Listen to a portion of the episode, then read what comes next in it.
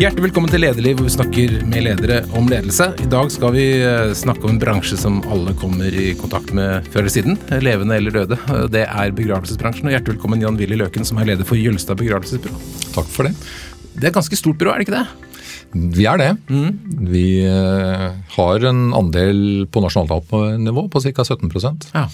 Så det er eh, nesten 8000 seremonier i året. For Jeg leste meg til at det var 43 362 personer som døde i fjor. Stemmer. Dere har en god, en god andel av det. Ja, det. Er dere da over hele landet? Jeg har lyst til å si ja til det, men det er klart at altså, vi er i Hammerfest. Eh, og vi er i Trysil, men ikke noe særlig mellom der. Så, og, det, og det aller meste av virksomheten vår det ligger på, i Sør-Norge, og det meste av det igjen rundt Stor-Oslo og liksom, sentrale østlandsområdet.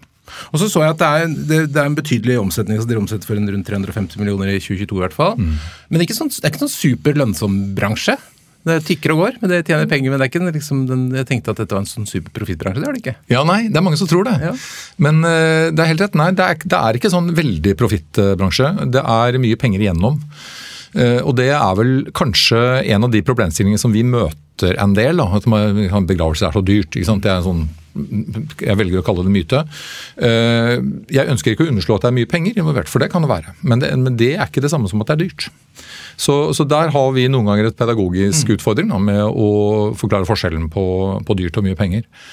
Eh, og så er det selvfølgelig helt avhengig av hva, hva folk ønsker å legge inn i det. Fordi vi også er, vi er veldig opptatt av internt eh, at den verdigheten folk skal møte, og den vi skal møte folk med og håndtere de døde med, den skal være helt uavhengig av fakturaens størrelse.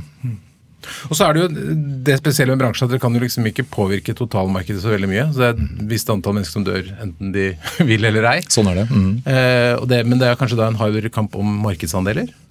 Ja, og den har, eh, den har tøffa seg til, den, de, de siste årene. Med bl.a. litt nye aktører, eh, nye konstellasjoner, til dels nye si, måter å drive byrå på som, eh, som har vært prøvd ut. Noe med hell, andre ikke. Så, så vi tenker at altså, begravelser og det, det er som det er, men det er veldig mye rundt det som utvikler seg i takt med eh, samfunnet for øvrig. Hvor, eh, hvor kanskje til og med digitalisering og individualisering da det er to veldig sånne kraftige trender som også treffer oss. Betyr det at det blir mer bredde i hvordan seremonien skal være? Ja, definitivt. Noen eksempler? Ja, altså det, det kan være alt fra en eh, urneseremoni i en hage her i, eh, i Oslo. Det kan være en eh, seremoni eh, med kiste på en liten øy i skjærgården nedover eh, sørlandskysten vår. Eh, det kan være en, seremoni hvor folk egentlig ikke hadde tenkt å ha seremoni i det hele tatt, men sammen med en av seremonilederne våre så har man det som kalles for en sånn samtaleseremoni. Hvor de tre, fire, fem i den nærmeste familien setter seg ned og, og har en samtale, mer enn at det er, liksom, det, det er noe som skjer forfra. Og så synger vi noen sanger, og så er vi ferdig. Men da, da sitter man mer og, og minnes. Og så kan det være eh, full korigg i Ullern kirke og svære greier. Liksom, alt det der. Eh, Jeg tenker at Alt det der skal vi være med oss og tilføre verdighet i det, og trygghet, sånn at folk kjenner seg ivaretatt. Om det er stort eller lite. Og hvor mange ansatte er dere i Jølstad? Vi er ca. 160 fast ansatte. Og så har vi en god del titalls tilkallingshjelper og vikarer og sånt. sånt. Vi, vi er jo eh, operative 24-7, 365, så 366 da jo faktisk. Eh, Men, eh, og det, det krever folk. Og så er det litt som du sa, det totalmarkedet det kan ikke vi bestemme. Eh, Så noen perioder er veldig travle for oss, andre mer rolige. Og da trenger vi litt sånn fleksibilitet i bemanningen for å kunne ta, ta de tidspunktene hvor det er mest travelt. Når, det er, det er, morsomt å spøke med dødperioder og sånn, men, Ja. men, når, når er det, hvilke perioder dør det flest folk? Gjerne på vinteren. Ja. Så, og ofte så rimer det med influensaperioder og den type ting. Mm. det er jo kanskje ikke så veldig mange som tenker på når jeg vokser opp at når jeg blir stor, så skal jeg begynne i begravelsesbransjen. Hvordan skjedde det for deg? Du, Jeg satt på skolen, ungdomsskolen og videregående sammen med tredje generasjon Njølstad, så vi ble gode venner. Og da jeg skulle begynne å få meg sommerjobb og sånn, så ble det i Jølstad. Da satt vi i begravelsesbiler og var rundt og bar, eh, bar ut kistene fra mm. seremoniene. Det var mye av det vi gjorde. Eh, så, så der begynte det for meg. Og så utdannet du til økonom, og så gikk du rett inn i Jølstad? Ja, det gjorde jeg. Jeg var ferdig økonom i 88. Eh, det var jo et år som var litt sånn bratt for unge økonomer. Mm. Så eh, da var det veldig få av oss som hadde jobb. Jeg hadde søkt masse jobber uten å få. Jølstad var i ferd med å vokse. Jeg var da blitt litt sånn kjent med Jølstad-familien. Så jeg fikk spørsmål om jeg ville jobbe i økonomiavdelingen der og hjelpe til litt administrativt. Og så tenkte jeg ja ja, to år, det kan jeg vel alltids jobbe i dette byrået. Jeg hadde liksom bestemt meg for at det skulle jeg ikke gjøre. Uh, unge økonomer gjorde ikke sånt, liksom. Uh, men uh, så sånn sett så var det litt, litt tilfeldig inn. Hmm. Men så ble du du holdt på lenge med økonomi, og så ble du leder etter hvert. Så det må ha vært noe der. Hva er, hva er det som gjør at det er så bra sted å jobbe? Det som gjør det til et bra sted å jobbe, det er at det er eh, Jeg fant jo det ganske fort ut, da. Eh, det er en, I utgangspunktet så var det en familiebedrift. Eh, men det var en familie som var veldig bevisst på hvilke måte, tiltak man bør gjøre da, når man vokser. Så de var ganske tidlig inne med å hente profesjonell hjelp inn i styret sitt, f.eks. Uh, Ole Kristian Gulli, tidligere leder av Kona siviløkonomiforeningen, satt i styret da, da jeg begynte. Så han prata jeg en del med. Og øh, han sa flere kloke ting, men, men, en av de var at øh, da jeg liksom begynte å tenke ja, nå har jeg snart vært her i to år, nå må jeg liksom finne på noe annet, så, så sier han at tenk litt på det. fordi at øh, nå er du i en bedrift som er sånn mellomstor. Uh, ikke bitte liten, hvor du liksom må gjøre alt. Uh, ikke veldig stor, hvor arbeidsområdene blir veldig smale. Men her har du mulighet til å liksom teste ut flere ting i et miljø som er fremoverlent, uh, har bestemt seg for å være bransjeledende. Og tatt noen grep uh, knytta til det. Mm. Og så viser det seg at ja, det er, sånn er det, og det kan jeg være med å påvirke også. og så det som begynte litt tilfeldig, det er blitt veldig mange gode grunner til at jeg har blitt og fått vært med på den, den reisa de har vært. Det er litt interessant du sier det, for jeg tror mange da, som kom fra Handelshøyskolen f.eks. Det er sånn, du har to år, du må videre og videre. og videre. Mm. Men mens du, for deg så har det da fungert å være på samme sted hele tiden. Du fikk et godt råd som du fulgte, rett og slett. Mm. mm. Ja, det gjorde det. Og det, det, det, var ikke gitt at det kom til å bli sånn, men for jeg har jo hatt mine liksom, eh, korsveier hvor jeg har sett på andre ting og uh, følt at det har gått litt i samme tralten. Eh, en av de tingene som skjedde, det var jo at familien eh, som da eide 100% fram til 1998, de valgte, å selge til utenlandske eiere. Eh, så der fikk jeg sitte på begge sidene av bordet. på en måte. Og det gjorde jeg tre år senere også, da vi kjøpte tilbake. Så fra 2001 så har Jølstad vært et ja norsk selskap. For Det overrasker meg. Jeg så på, ja. så på uh, slo dere opp, og ja, ja, opp, så tenkte jeg, var, var ikke dette utenlandsk? For det var i mitt hode var det blitt, men jeg har ikke fått med at det var tilbakekjøpt. Nei, nettopp, Hvor, hvor, hvorfor det? Ville ikke utlendingene ha, ha dere lenger? Nei, det var, det var vel den, eh, det vi lærte på denne eh, økonomiskolen, at de fikk rett og slett voksesyken. Så de kjøpte litt for mye, litt for dyrt, litt for fort. Så de hadde behov for å konsolidere. Eh, og hadde altfor mye gjeld. Eh, aksjeverdien eh, stupte, så de hadde rett og slett behov for å selge unna. Mm. Og da var det min, min tidligere leder som brukte den muligheten. Og fikk samlet en gjeng med, med investorer, norske eiere og det har vært veldig stabilt eierskap siden, mm. siden 2001. Og veldig godt og konstruktivt for å utvikle en eierskap, rett og slett. Så det, det har også vært av grunnene til at jeg har blitt. Mm. Hvordan er landskapet ellers i bransjen? Det er mye små familievirksomheter, er det ikke det? Det er det. Mm. Er, det er det noen store utenlandske aktører inne? Nei, ikke store. Altså du har Jo, det er det jo i og for seg. Du har uh, Fonus, mm. som er betydelig. Altså kooperativen i, i Sverige som eh, er store i, eh, i betydelige i Sverige, som har eh, i, i, Norge. Mm. Eh, også har, har, vi hatt noen ganske nylige forsøk fra mediekonsern, svenske mediekonserner som har prøvd seg med nye typer forretningsmodeller inn i vår bransje. Litt det, rart ut for mediekonsern ja, begravelse. det, så det er, men, men de For ja, pluss-minus ti år siden så ble liksom dette med internettbyrå det ble på en måte et begrep. Mm. Uh, og, og, det etablerte seg i Sverige. Jeg har prøvd seg i et par andre land, bl.a. i Norge. Uh, og mye som måtte tilsier at de, For det eneste stedet de lykkes, så langt meg bekjent, det er i Stockholmsområdet. Mm -hmm. Der tjener de penger. Eh, andre steder ikke. Eh, og de, de, tjente ikke penger i Norge og slo det konkurs for en, for en, liten stund siden. Og det er jo noe med den virksomheten vi driver. altså En del av den er åpenbart fysisk. altså Det, mm. det er noe du må gjøre. Det får mm. du ikke gjort via nettet. Det å levere en kiste, det å legge den døde mm. og frakte og ha seremoni og sånn. Eh, så er det en del av den en måte, samtaledelen, konsultasjonsdelen. Den mm. lar seg nok løse digitalt, men man ser også der at det er Man møter veldig fort på noen problemstillinger som gjør at selv om uh, kunden er aldri så digital, så er det, det er noe med å snakke med folk i en situasjon som dette er. Og det er også noe vi er uh, ganske bevisst på. For det, det skjer veldig mye uh, bevisst og kanskje til og med ubevisst sorghåndtering når vi legger godt praktisk til rette. Mm. Uh, og det, liksom Bare det å sette opp en dødsannonse sammen det, det, går sikkert an å finne en mal på hvordan du gjør med det, sånt, men det er noe med å finne de ordene da, som skal stå der, som gjør noe med folk. Og som, uh, Det er den type ting vi er oppmerksom mm. på som byrå. Hva slags eh, mennesker er det som passer til å jobbe hos deg? Hva er det du ser etter når du ansetter? mange, mange altså Heldigvis så er de fleste vi ansetter nå, de er veldig mye mer bevisste enn det jeg var i 1988.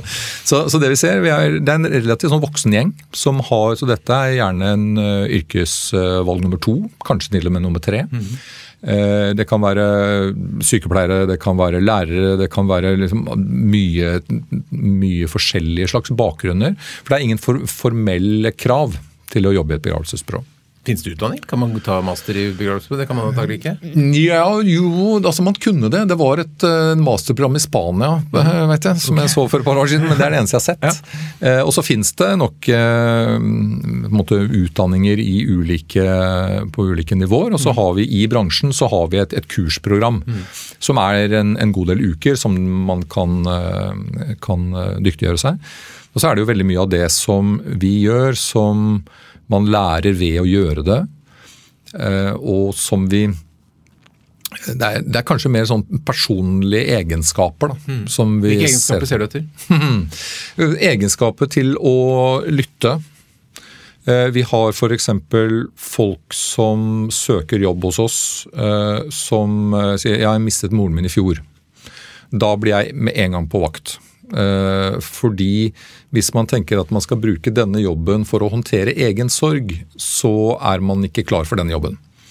Eh, man må veldig gjerne ha med seg den erfaringen, men eh, hvis jeg er konsulent, du er kunde, så må jeg vite hvor grensen for meg går. Jeg må gjerne bruke erfaringsgrunnlaget når jeg skal gi råd eller, veiledning, men, men jeg, jeg, kan ikke bruke egen erfaring og gjøre den generell.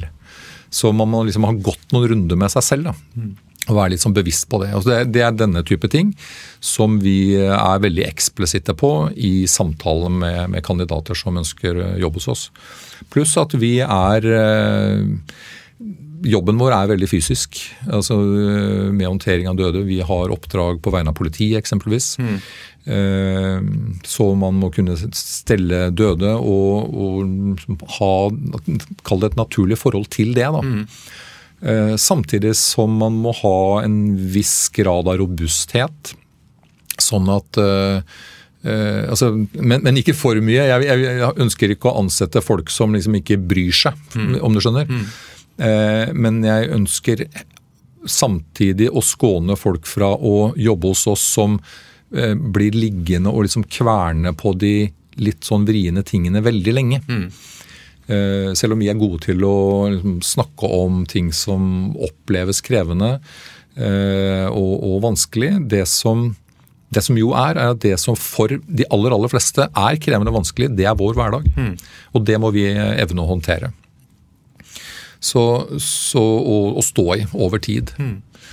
Så, så, det er eh, Det er gjerne Uh, altså denne femfaktormodellen. Uh, vi, vi, skal ikke ha folk som er altfor høy på nevrotisisme, f.eks. Uh, og at man også er god på å planlegge og gjennomføre ting strukturert. Det er også ting vi ser etter. Hmm. Men du, du, gikk jo da fra å være økonomisjef til å bli administrerende. Da fikk du et større ansvar. Ja. Hele kundeopplevelsen. Hvordan, mm. hvordan, skal det være å være kunde hos Jølstad? Da skal man kjenne seg ivaretatt. Mm. Da skal man øh, Eh, bli presentert for eh, de mulighetene som finnes, som man kanskje ikke til og med har tenkt på. Eh, man skal kunne kjenne at man blir varepatt på det økonomiske. Sånn at man liksom ikke verken bestiller for mye eller for lite, mm. ut fra de forventningene man har.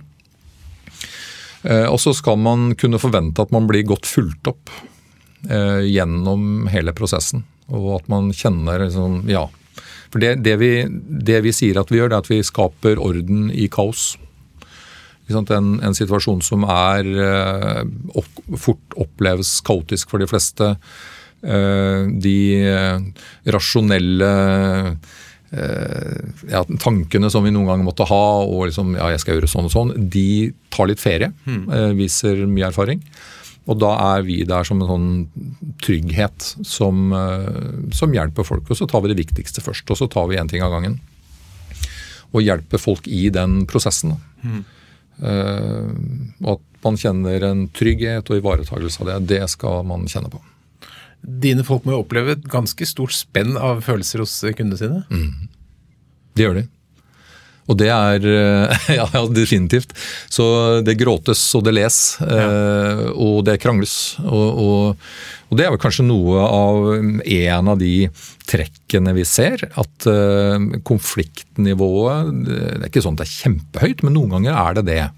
Og, og det er litt sånn økende i omfang. Hvorfor det, tror du? Ja, Det er nok fordi kanskje to, to hovedforklaringer på det. Det er Eh, familiekonstellasjoner. Eh, har man flere forhold bak seg, eh, så er det flere som har lyst til å si noe. Er det søsken som skal begrave mor eller far, så kan de ha ulike meninger om hvordan dette skal gjøres. Eh, så, så, det er nok det ene liksom med litt mer sånn kompliserte familieforhold. Og, og, det andre er nok at vi i større og større grad blir bevisst på hva, hvordan jeg vil ha det. Mm. Eh, og At det på en måte blir sånn individualiseringens skyggeside. da. At man blir eh, kanskje noen ganger litt sånn utidig på hvordan jeg skal ha det, og, og liksom driter i alle andre, men mm. bare jeg får det som jeg vil. Så, mm. og, og, når man møter den type problemstillinger, da, så kan det fort smelle. Mm. Du har sett, i hvert fall lest om sånne ekstremvarianter med, med kister i supporterfarger og, og sånne ting. Er, det, er, det liksom, er, vi der, eller er det ja, ja. ekstremiteter? Ja, altså Det er ikke veldig ofte, men det, ikke, det oppfattes ikke som ekstremiteter. Mm. Det blir mer og mer vanlig. Og det er jo den type liksom, individuelle tilpasninger som jeg har veldig sans for. Det å, det å gjøre det eh, litt mer personlig. Og Det kan være innenfor en kirkelig ramme eller humanetisk ramme. Det kan være innenfor en uh, livssynsåpen seremoni, hvor, uh, hvor hele initiativet og hele regien ligger hos de etterlatte. Og så hjelper vi dem til å lage det innholdet som de tenker er, er rett. Mm. Og Da kan det handle om uh, fargen på kisten, det kan handle om uh, de tingene en tar med seg. Ballettsko, en slalåmstøvel, en sykkel. altså noe som er Kan man begraves med sykkelen sin? Nei, det kan man ikke. Men, man, men, uh, vi har jo hatt seremonier hvor Harlin står parkert i inngangspartiet. Mm. Fordi at avdøde var så Og, og sykkelen sin, liksom, det mm. var mm. symbiose der. Eh, så, så, for å være med å liksom understreke et poeng eller dra fram noen personlighetstrekk, så kan man gjerne finne noen sånne artefakter. Mm. Og den type ting ser vi eh, stadig oftere.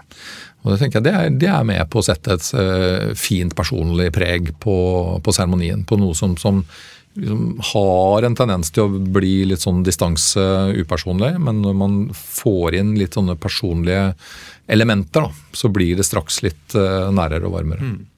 Så det er ganske mange ansatte som jobber på alle mulige rare tider med veldig uforutsigbart spenn av, av, kunder og oppgaver. Mm. Hvordan tenker du at du skal være for å være en god leder for alle disse? Det er et veldig godt spørsmål. Um, du har tenkt på det? Ja, jeg har tenkt på det. det har jeg tenkt på. Jeg begynner ikke å tenke på det akkurat nå. Men, eh, nei, for det er, det er, et godt spørsmål. Det eh, som er eh, Det jeg tenker, for det første så er det hver enkelt gravferdskonsulents kontakt med etterlatte. Det er der verdien vår skapes. Mm. Og min hovedoppgave det er å legge til rette for det. Så eh, det er på langt nær alle altså Det kan være ganske lenge mellom hver gang jeg ser enkelte av våre ansatte. Noen ser jeg ganske eh, hyppig, fordi vi er liksom i relativt sånn geografisk nærhet. Men jeg tenker det som er min viktigste oppgave da, det er å sørge for at grunnstrukturen funker. At vi har verdier det er hold i. At vi har en, en, strategiplan som funker, ikke bare ligger i en skuff, men som faktisk funker. At vi har eh, øvrige ledere som fungerer i sine roller. Og, og, de viktigste lederne da blir jo eh, gravferdskonsulentenes nærmeste leder, som er byråleder, altså stedlig mm. leder. Mm. Og at de gis alle muligheter til å kunne følge opp sine. Og når jeg kan være med og, og, dytte på i retningen om at det skjer, tenker jeg det er nok min viktigste rolle som, mm. som øverste leder. Du sier verdier. Hva slags verdisett er det du prøver å dyrke? Vi har tre verdier mot empati og kvalitet.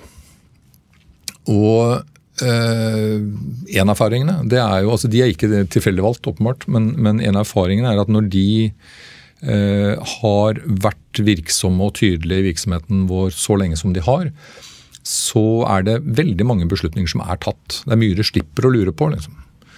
Uh, og, og en f.eks. mot, da. Som også tenker man skal en begravelsesbyrå være modig. Mm. Uh, ja, vi skal det. Og en av grunnene til det, det er at Eh, begravelser er heldigvis noe vi som kunder kjøper veldig sjelden. Eh, I snitt 1,7 ganger i livet. Mm. Så det, det, kan vi liksom ikke. Men det er veldig mange likevel som har noen tanker om hva det er, og hvordan det skal se ut og sånn. Eh, så du spurte litt i stad om hva slags type folk vi ser etter. Ser bl.a. etter folk som er med på å utfordre det som ytres som ønsker. Eh, for å prøve å forstå om det er det samme som det reelle behovet. bakenforliggende behovet. Så, så forskjellen mellom ønsker og behov, eksempelvis, det er ganske viktig å finne ut av. Så, så eh, ja. Det er motet. La oss si litt mer om det. Ja, motet. Det var det, det, var på det, det motet var. Ja, ikke sant? Motet. Ikke sant? For det, da, da, må du, du må tørre å utfordre. Da. Mm, mm. Du, må, du, må, tørre å stille det spørsmålet.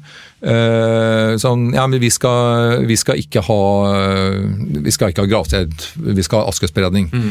uh, for mor. Uh, det var sånn hun ville det. Og da istedenfor bare å si ja og check liksom, mm. på, på, en sjekkliste, uh, heller si ok, jeg hører hva du sier, si litt mer om det. Mm. Var, det. var, det. hennes ønske? Hva tenker du om det? Mm. For det er tross alt du som bestemmer. Mm. Være med å utfordre de, den type holdninger mm. og, og ytrede ønsker. Uh, så, så, det er, det er ett et eksempel mm. på det å, det å vise mot. Når det handler om uh, empati, så er det kanskje litt mer åpenbart. Litt åpenbart ja. eh, At man må evne å eh, på en måte sitte litt på samme side av bordet som, som kunde, og evne å sette seg inn i den situasjonen som de er i. Mm.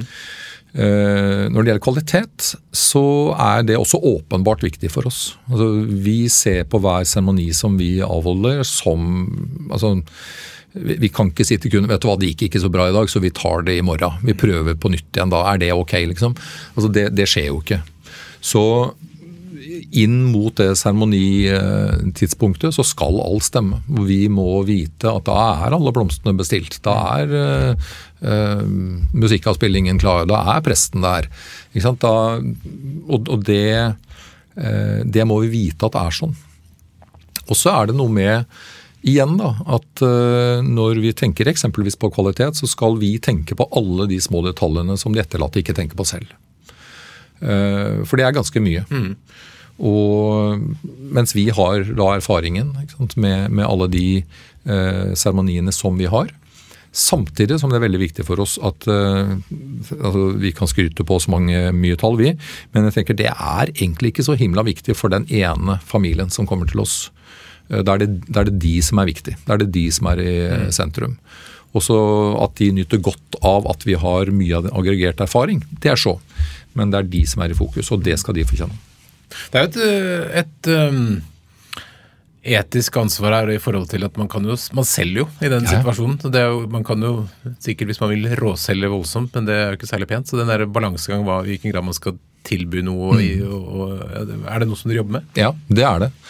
Og det er, for det er en ganske spennende balansegang, og, og det er eh, sant, Vi driver i en bransje som eh, ikke er spesielt etterspurt når du ikke har behov for den. Um, og det er helt riktig som du sier, altså det hadde vært den enkleste ting for oss å utnytte den dårlige samvittigheten til han som aldri fikk gjort opp med faren sin, eller eh, liksom det å Ja, han, såpass fortjener han vel, liksom. Eh, det, sånn skal ikke vi gjøre. Det er viktig for oss. Men dette er Også- vanskelig. Ja, ja, fordi, for det fordi, det for det er, det er grøfter på begge sider her. Eh, og, og vi skal ikke være pushy selgere som sådan, men vi skal heller ikke frata uh, muligheten for å gjøre valg. Sånn at vi eh, senere kan bli anklaget ja, men hvorfor sa dere ikke at vi kunne kjøpe den blomsten? Eller, ikke sant? Altså, eh, så, så vi skal på en måte vise et utvalg, men vi skal være tydelige på at det, når det utvalget først er vist, så er det kunden som bestemmer. Men, men samtidig så er jo utfordringen at du sier um, verdien og kundeopplevelsen skapes i dialog da med, med pårørende og lettlatte og, og konsulenten. Men der er jo ikke du, vanligvis. Hvordan klarer du måtte, å kontrollere eh, kvaliteten i, i arbeidet? Eh, Det gjør vi gjennom en kundeundersøkelse som er løpende. Mm. Den har vi hatt nå i sju-åtte år, i hvert fall. Ja, mer lenger enn det også, forresten. Eh, Med mange tusen aggregerte svar der nå. Og eh, de snittscoren, altså på en skala fra én til seks eh, på spørsmål om folk er fornøyd og sånn, så er snittet vårt på 5,8. Så det er et slags svar på det spørsmålet, tenker jeg. Pluss at eh, ja, ca. en femtedel av de som svarer på dette her sånn, dette spørreskjemaet, de, eh, de eh, skriver kommentarer i tillegg. Og kanskje 80% av de kommentarene igjen er entydig positive. Eh, som en som jeg hørte i dag, som var en, eh, en medleder som siterte for meg, eh, siterte fra en sånn type tilbakemelding om at eh, ja, Nå husker jeg ikke ordet hva han sa, men det er ikke bare sånn at jeg kommer til å anbefale han jeg snakket med hos dere, jeg kommer til å instruere mine venner om å snakke med han. ikke sant? Så det og det er eh, en slags illustrasjon da, på, på hvordan vi evner å møte folk der de er. Jeg kan jo skyte inn at jeg har vært kunde hos dere selv og er ekstremt fornøyd. Det er kanskje en av de beste kundeopplevelsene jeg har hatt noen gang. bare for å si det. Men, men hvordan jobber du da for å hvis, du, hvis noen ikke leverer som de skal, da? Du ser vel noe, Det er ikke alle som får full score, kanskje? Nei, det er ikke alle som får full score. Eh, og da er det sånn at eh, på denne skalaen, fra, fra 1 til 6, hvis, det, eh, hvis det scores 4 eller mindre, eller hvis det kommer en eller annen kommentar, så, er, eh, så blir det en samtale mellom vedkommende konsulent og nærmeste leder. Og så eh, må man finne ut av hva dette er for noen ting. Eh, En ting som vi eh, gjør veldig mye for å prøve å unngå da, det er å gjøre antagelser om hva som skjedde. Så det som eh, altså Noen ganger så kan det være åpenbare ting som gjør at man har fått en én eller to eller tre. Eh, Hvis man lurer på hvorfor, så er det en eh, telefon til den som har svart. Og eh, for å sjekke ut hva, hva var dette, for er det noe vi kan gjøre. Er det, kan du være snill å fortelle litt grann mer? Så vil, vil det være en anbefaling du har til andre som selger eh, råd og konsulentvirksomhet, som på samme måte at du har en, den type kundeundersøkelse som du følger opp eh, løpende? hvis ikke folk... Ja, definitivt. Og det har, eh, fordi vi har såpass bevisst forhold til den type undersøkelse selv, og jeg vet at den følges opp, så har jeg jo som kunde da, andre steder eh, skrevet noen kommentarer, og ganske kritiske kommentarer når det har vært dekning for det. Så jeg, nå skal det bli spennende å se hva som skjer. Og når det da ikke skjer noen ting, så tenker jeg ok, da er jeg ferdig som kunde der. Det som er litt synd med dine kunder for deg, da, er at du da, de folk du får superscore, men så er det kanskje 30 år til neste gang, eller, eller aldri. Men det får håpe at de snakker pent om det, i hvert fall. Jeg får håpe det. Eh, har du forandret deg noe som leder i den perioden? Du, du ble daglig leder i 2012, så du Ja. har jo holdt, rimelig holdt på en stund med det òg, da. jeg har det. Har du, er, du, er du en annen leder nå enn du var da? Det håper jeg. Eh, Fordi eh, jeg var jo tidligere leders stedfortreder. Og det er en veldig behagelig posisjon å ha. Du kan mene veldig mye om veldig masse uten å ta ansvar for noe som helst, så det er veldig behagelig. Uh, Han ble Han måtte brått fratre uh, pga. sykdom. Og så, uh, så jeg fikk muligheten. Eh, Og det, det var såpass interessant at eh, da, da den stillingen ble lyst ut, så søkte jeg på den. Eh, Og jeg, jeg håper at den har forandret meg i, i den forstand at jeg i hva skal vi si, større grad altså jeg, jeg er nok litt sånn i utgangspunktet firkanta i huet mitt. med blå, altså Jeg var ikke blåruss, men eh, Handelshøyskolen og tall, og liker liksom eh, to streker under svaret. Eh, Når vi har med folk å gjøre, så er det ikke så lett å få de to strekene under svaret. Da blir det mer vurderinger, prøve å få til.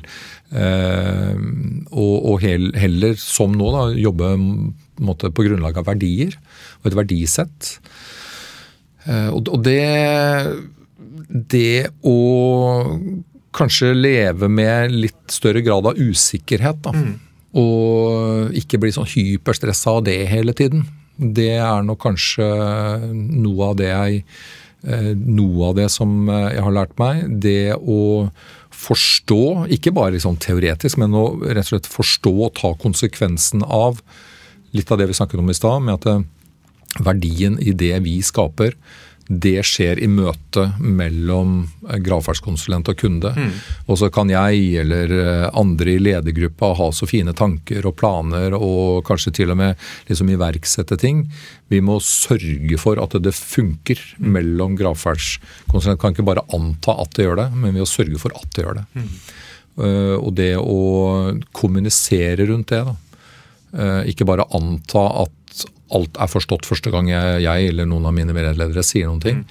Eh, Det er vel kanskje no, ja, det er noe av det jeg har lært meg. At vi må Du, du, ha tålmodighet med folk. Du nevnte at det var, at det var litt økt eh, konfliktnivå, eh, Mm. litt- litt mer friksjon rundt noen av prosessene enn for, for en del år tilbake. Og dere, dere er jo på en måte tvunget til å komme til en løsning. Det er en deadline, for å bruke det uttrykket. Og, ja. og hva er liksom grepene for å klare å få to parter til å bli enige om noe innenfor en kort frist, eh, med folk som man egentlig ikke kjenner? Ja, det Eller flere, er kanskje det er ti parter? For ja, ja, ja, det, ikke sant? Ja. Eh, hovedvirkemiddelet er jo å få folk til å snakke sammen og bli enige. Og få folk til å skjønne vet du hva, her har vi, her har vi et felles mål. Vi skal ta avskjed med en person vi alle sammen var glad i. Eh, kanskje hadde en eh, ulik relasjon til og sånn, men vi er tjent med å bli enige. Og enes om noe. Så er det ikke alltid det går. Eh, og da har vi jo gravplassloven, hvor kommunen kan, kan gå inn og bestemme hvem som har ansvaret for gravferden. For det er, til syvende og sist er det én som er ansvarlig for en gravferd. Og det kan i ytterste konsekvens kommunen bestemme hvem er. Men det er vel ikke det du ønsker? Nei, det er det ikke. Og, og det, det er gjerne mellom søsken, for det er mellom like nære, som det heter. Eh, søsken eller nieser-nevøer, eller hva det, hva det måtte være. Eh, Men hva er, nei, for, å få, hva er trikset for å få folk til å bli konstruktive i en sånn situasjon? Eh, Kan jeg ta et eksempel? Ja. Eh, Vi hadde mm, noen som kom til oss. Eh, Det var en mann som var død, hans samboer og to barn fra tidligere, tidligere forhold. Eh, Og samboere står jo i utgangspunktet litt svakere i en, eh, i en eh, sånn situasjon. Og så var det sånn at eh, de for å være sikre på å ivareta avdødes ønsker i møte med oss, så hadde de åpnet eh, testamentet til den døde. Og eh, der har eh, avdøde testamentert alt til sin samboer. Mm. Og det fikk de vite straks før de eh, kom til oss. Og da var det jo en eh, samboer som var eh, smørblid, og to sønner som overhodet ikke eh, var noe særlig blide. Og så sitter man der da, med ulike liksom, øko økonomisk eh, eh, arv, bokstavelig talt, et, etter den avdøde. Ulike relasjoner. Og samarbeidsklima kan vel Det kan beskrives som anstrengt, mm. liksom i beste fall. Mm. Og så har vi heldigvis en, en klok gravferdskonsulent i dette tilfellet som sier at ok, jeg forstår at dette er vanskelig. Eh, arv er arv. Det er noe, så, og Da må man liksom hjelpe folk til å sortere. Mm. Og så eh, måtte definere hva er, hva er, det vi skal her nå. Jo, vi skal, vi skal utforme seremonien til han som mm. dere alle sammen var glad i. Og så får man på en måte parkert noe av det som var vanskelig da, og som sikkert ikke blir sånn lettere i og for seg senere, men, men allikevel den, den umiddelbare følelsesmessige reaksjonen, mm. den fikk man dempa, lagt litt til side, og så får man konsentrert seg om det som, det som er viktig der og da. Mm. Så Det er ett eksempel da, på, på, hvordan det håndteres. Ett av mange eksempler. Og så er det vel også da gjennomgående at nesten alle dere møter er i sorg, ja. eh, og mange også i sjokk. Og det er jo noe vi alle kan, eh, selv om vi ikke jobber mm. i Jølstad, så kan ja. vi møte folk som er i sorg. Yes. Hvordan, hvordan ivaretar man folk best som nesten har mistet noen? Hvis jeg, en kollega her mister sin mor eller far eller samboer? Det er å hva skal vi si, da, eh, uten at det blir sånn floskelaktig, eh, være der og rett og slett ta et ansvar. Fordi en av de noen ganger verste tingene man kan si til noen som har det vanskelig, det er å si fra hvis du trenger litt hjelp. Hmm. Det spørsmålet kommer nærmest aldri.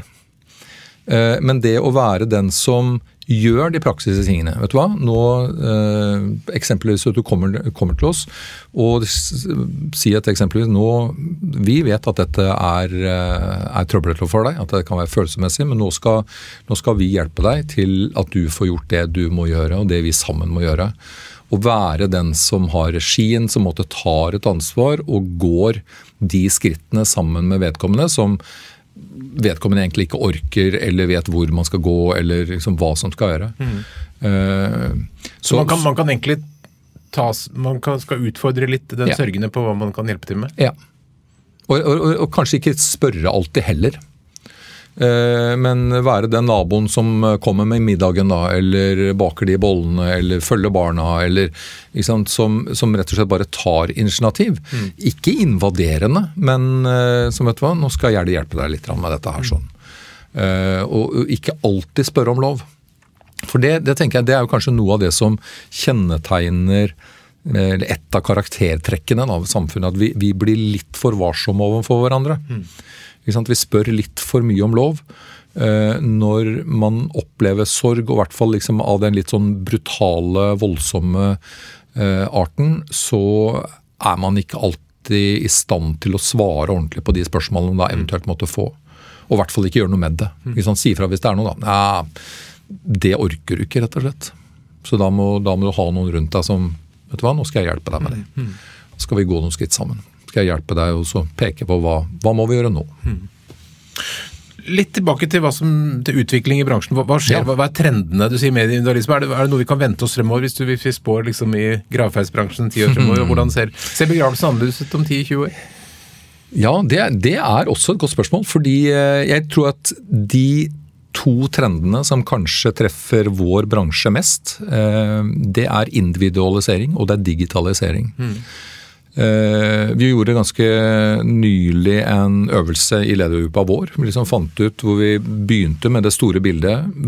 Hvilke utviklingstrekk i samfunnet ser vi som kan gi oss de største utfordringene, men også de største mulighetene. og Da kom vi ned til de to. Mm. Det som er spennende, det er at vi kom fram til det samme svaret for ti år siden. Mm. Da vi gjorde samme, Så, så eh, vi, vi ser jo at det skjer mer på nett nå enn det gjorde for ti år siden. Mm. Det tror jeg kommer, det er en utvikling jeg er ganske sikker på kommer til å fortsette. Mm.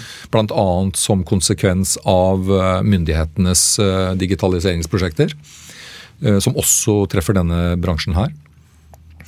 Når det gjelder individualisering, så, så tenker jeg nok at vi fortsatt kommer til å se det blir spennende å se hva kirka gjør. Mm. De har nå varslet eh, en gjennomgang av sin liturgi knytta til gravferd. Så det kommer nok til å ta god stund før vi ser noe konkret eh, og endringer på det. Men jeg tror nok at kirkas posisjon kommer til å bli utfordret enda mer. Mm. Og at man da ønsker å gi seremonien innhold som ikke nødvendigvis passer innenfor en kirkelig ramme. Det, det ser vi jo noen utviklingstrekk, kanskje særlig her i Oslo eller større byene, hvor dette med livssynsåpne seremonier, eh, omfanget av det tiltar. Mm. Eh, for da, da, står man relativt fritt. Jeg har lagt merke til litt begravelse. Det, det, går litt nedover med nordmenns salmekunnskaper. Så definitivt. Ja. Hvilke, hvilke, er, hvilke, er, de sikre salmene? Fins det noen sikre salmer? Ja, 'Kjærlighet fra Gud', den, Omtrent den. Ja, ikke sant. Mm. Uh, så, så, det er jo en ting vi ser, da. ikke mm. sant, at uh, de kall det ti på topp-salmene, de er de samme nå som for 10 eller 15 år siden. Mm. Men variasjonen har blitt veldig mye større. Mm. Eh, og det er nok eh, også noe vi ser. altså Bruk av musikk eksempelvis er jo en ting som byråene og kirka særlig eh, diskuterer ganske mye. Mm. Fordi musikk er viktig for folk. Mm. Og, det er et viktig sånn følelsesmessig uttrykk. Så, så det, det, er nok noe vi kommer til å se, tipper jeg, stadig større variasjoner med. Uh, ulike måter å pynte på, ulike måter å ha, eller ulike steder å ha seremoniene. At uh, det er ikke sikkert at man uh, velger en seremoni i, i, kirka, men man, man, har den kremasjonen og ønsker å ha en askespredning på fjellet f.eks., og har, kall det minnesamværet eller den markeringen på familiehytta mm. eller kulturhuset. Eller, det, er, det er noe av de tingene vi ser. Men er det også sånne populærkulturelle ting fra, fra si, TV-serier eller Instagram eller andre ting som spiller inn? Nå kom jeg ikke på noe i farta hva det, det skulle sånn være. Liksom, eller, altså, de, men det er ikke, det er ikke sånn, du ser ikke, du ser ikke sånne motehypes på den måten? Nei, ikke på den måten, kanskje. Altså, du, vi har jo vært med på type champagnemottagelser. Mm. Altså kistelokket dekket av champagneglass. Mm. Uh, og, og, mye farger, og, og, dette med å, å skulle feire livet. Mm. Mer enn å markere døden. Mm. Så tenker jeg ja, det, det, må vi gjerne gjøre. Vi må gjerne feire døden, men vi skal ikke bruke det som en forskjønning av det tapet og, liksom, å tie tapet og sorgen. Mm. Uh, for da går vi for langt i det med å feire livet. Så det må være en god balanse i det. Hender det at dere må si nei? At dette kan vi ikke gjøre? Eh, ja, det hender jo det. Mm. Så, det. Men det handler mer om å sortere, på en måte. At man ikke kan putte alt inn i en seremoni. Mye egner seg også i et minnesamvær etterpå. Og det kan være, gjerne være den samlingen man uh, har på menighetshuset eller restauranten eller hvor man nå er etterpå. Mm. Uh, at uh, noen av talene kan holdes der, noen av musikken kan holdes der. Bildene eller filmen som man har lyst til å vise i seremonien, kan man vise i minnesamværet. Eh, så, så, det handler om å hjelpe til med å sortere litt også, mer enn hva som er eh, upassende, på sett og vis. For det, det er det store forskjeller på, på, på, på by og land, øst og vest og sør og nord? Ja, kan være noen forskjeller. Mm. Det, det, er det, og, og, vi ser nok litt sånn liksom, hvor, hvor, tradisjonene de sitter litt bedre uh, i, på, på land alternativene til kirken er liksom ikke så mange. Mens vi ser en, en litt mer det å utfordre kirkelige ritualer, kanskje særlig. Uh, der er man litt lenger fram i skoa i byområder. Mm. Og så man, kan man se litt forskjeller på, eh, på områder knytta til eh, f.eks. innholdet i minnetaler. Da. Hva er viktig å si noen ting om? Og det er Eh, noen steder kan man vektlegge prestasjoner, mm. andre steder relasjoner. Så man kan se noen sånne små nyanser på, men eh, ja. Mm. Kan du beskrive Kan du beskrive en ganske perfekt begravelse? Altså, så, den, den, perfekte begravelsen, ja. ja, ja. Kanskje en du har vært i, da? eller vært ja. med på. Liksom, hvordan, fortell hva, liksom, hva er suksesselementene, hva er det som skal være på plass?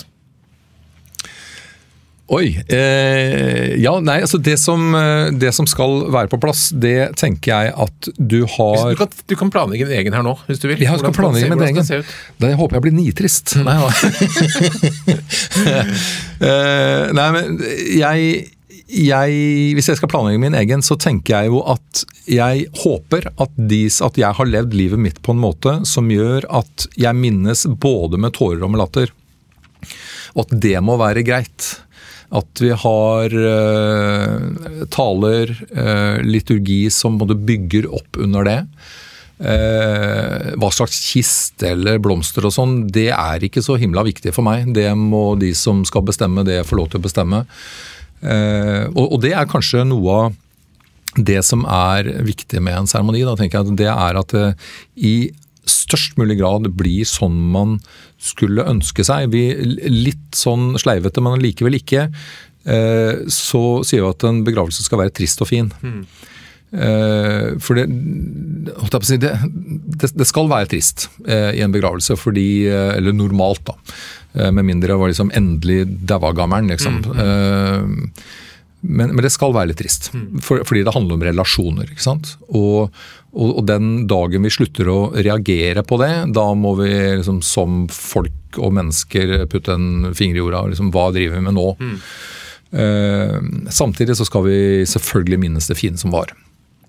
Ikke sant? Og det eh, gjennom eh, musikk som betyr noen ting. Eh, gjerne synge, gjerne høre. Uh, og at uh, folk kan få lov til å være seg selv, rett og slett, i møte med oss og død. Det, ja, det tenker jeg er viktig. Er det mange som planlegger sin egen begravelse? Får dere bestillinger fra avdøde?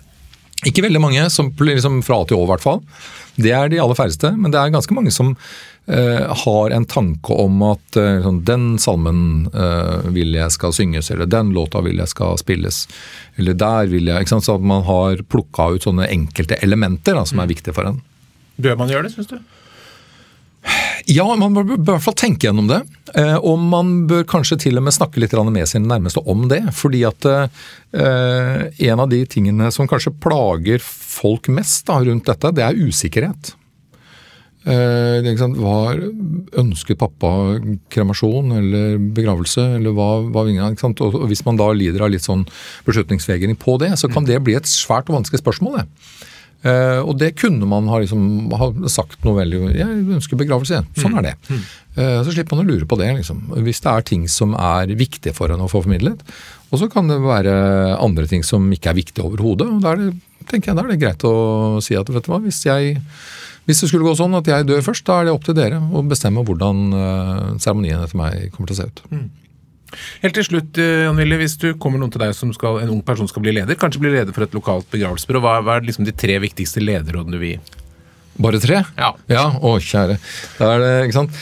Um, jeg tenker at en av de viktigste tingene som, som ung leder, det er gjør ditt beste, helt uavhengig av hva slags type jobb du har.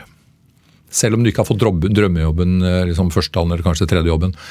Gjør ditt beste, for det kommer til å bli eh, lagt merke til. Ikke lengt deg videre uh, før du har vist hva du er god for. Mm. Uh, og en, en, annen ting er, og som liksom litt i samme, samme gata, det er konsentrere deg om det du kan gjøre noe med.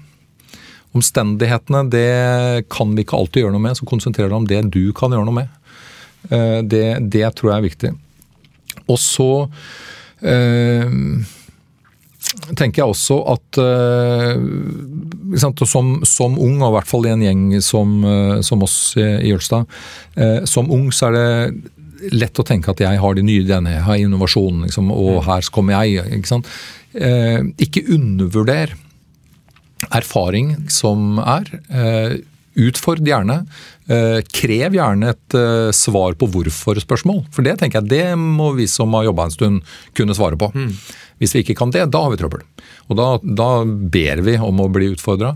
Eh, men jeg tenker som, som ung leder ha trua på innovasjonsevnen din, de nye tankene dine, samtidig som du har respekt for den tradisjonen, erfaringen du, går, du møter. Mm. For jeg tror kombinasjonen av de to, det blir dynamitt. Også det, da med, det er ikke gærent å være samme sted i 35 år. Det går helt fint? Det kan gå. for meg har det gått veldig fint. Jan Nille Løkken, tusen takk for at du kom til Lederliv. Takk skal du ha.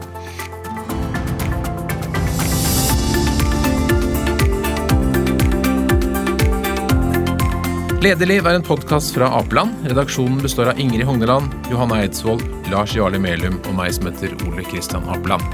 Og du er hjertelig velkommen til å sende ros, ris, tips om ledere eller hva du måtte ønske til ole.apeland.no. Takk for at du lytter.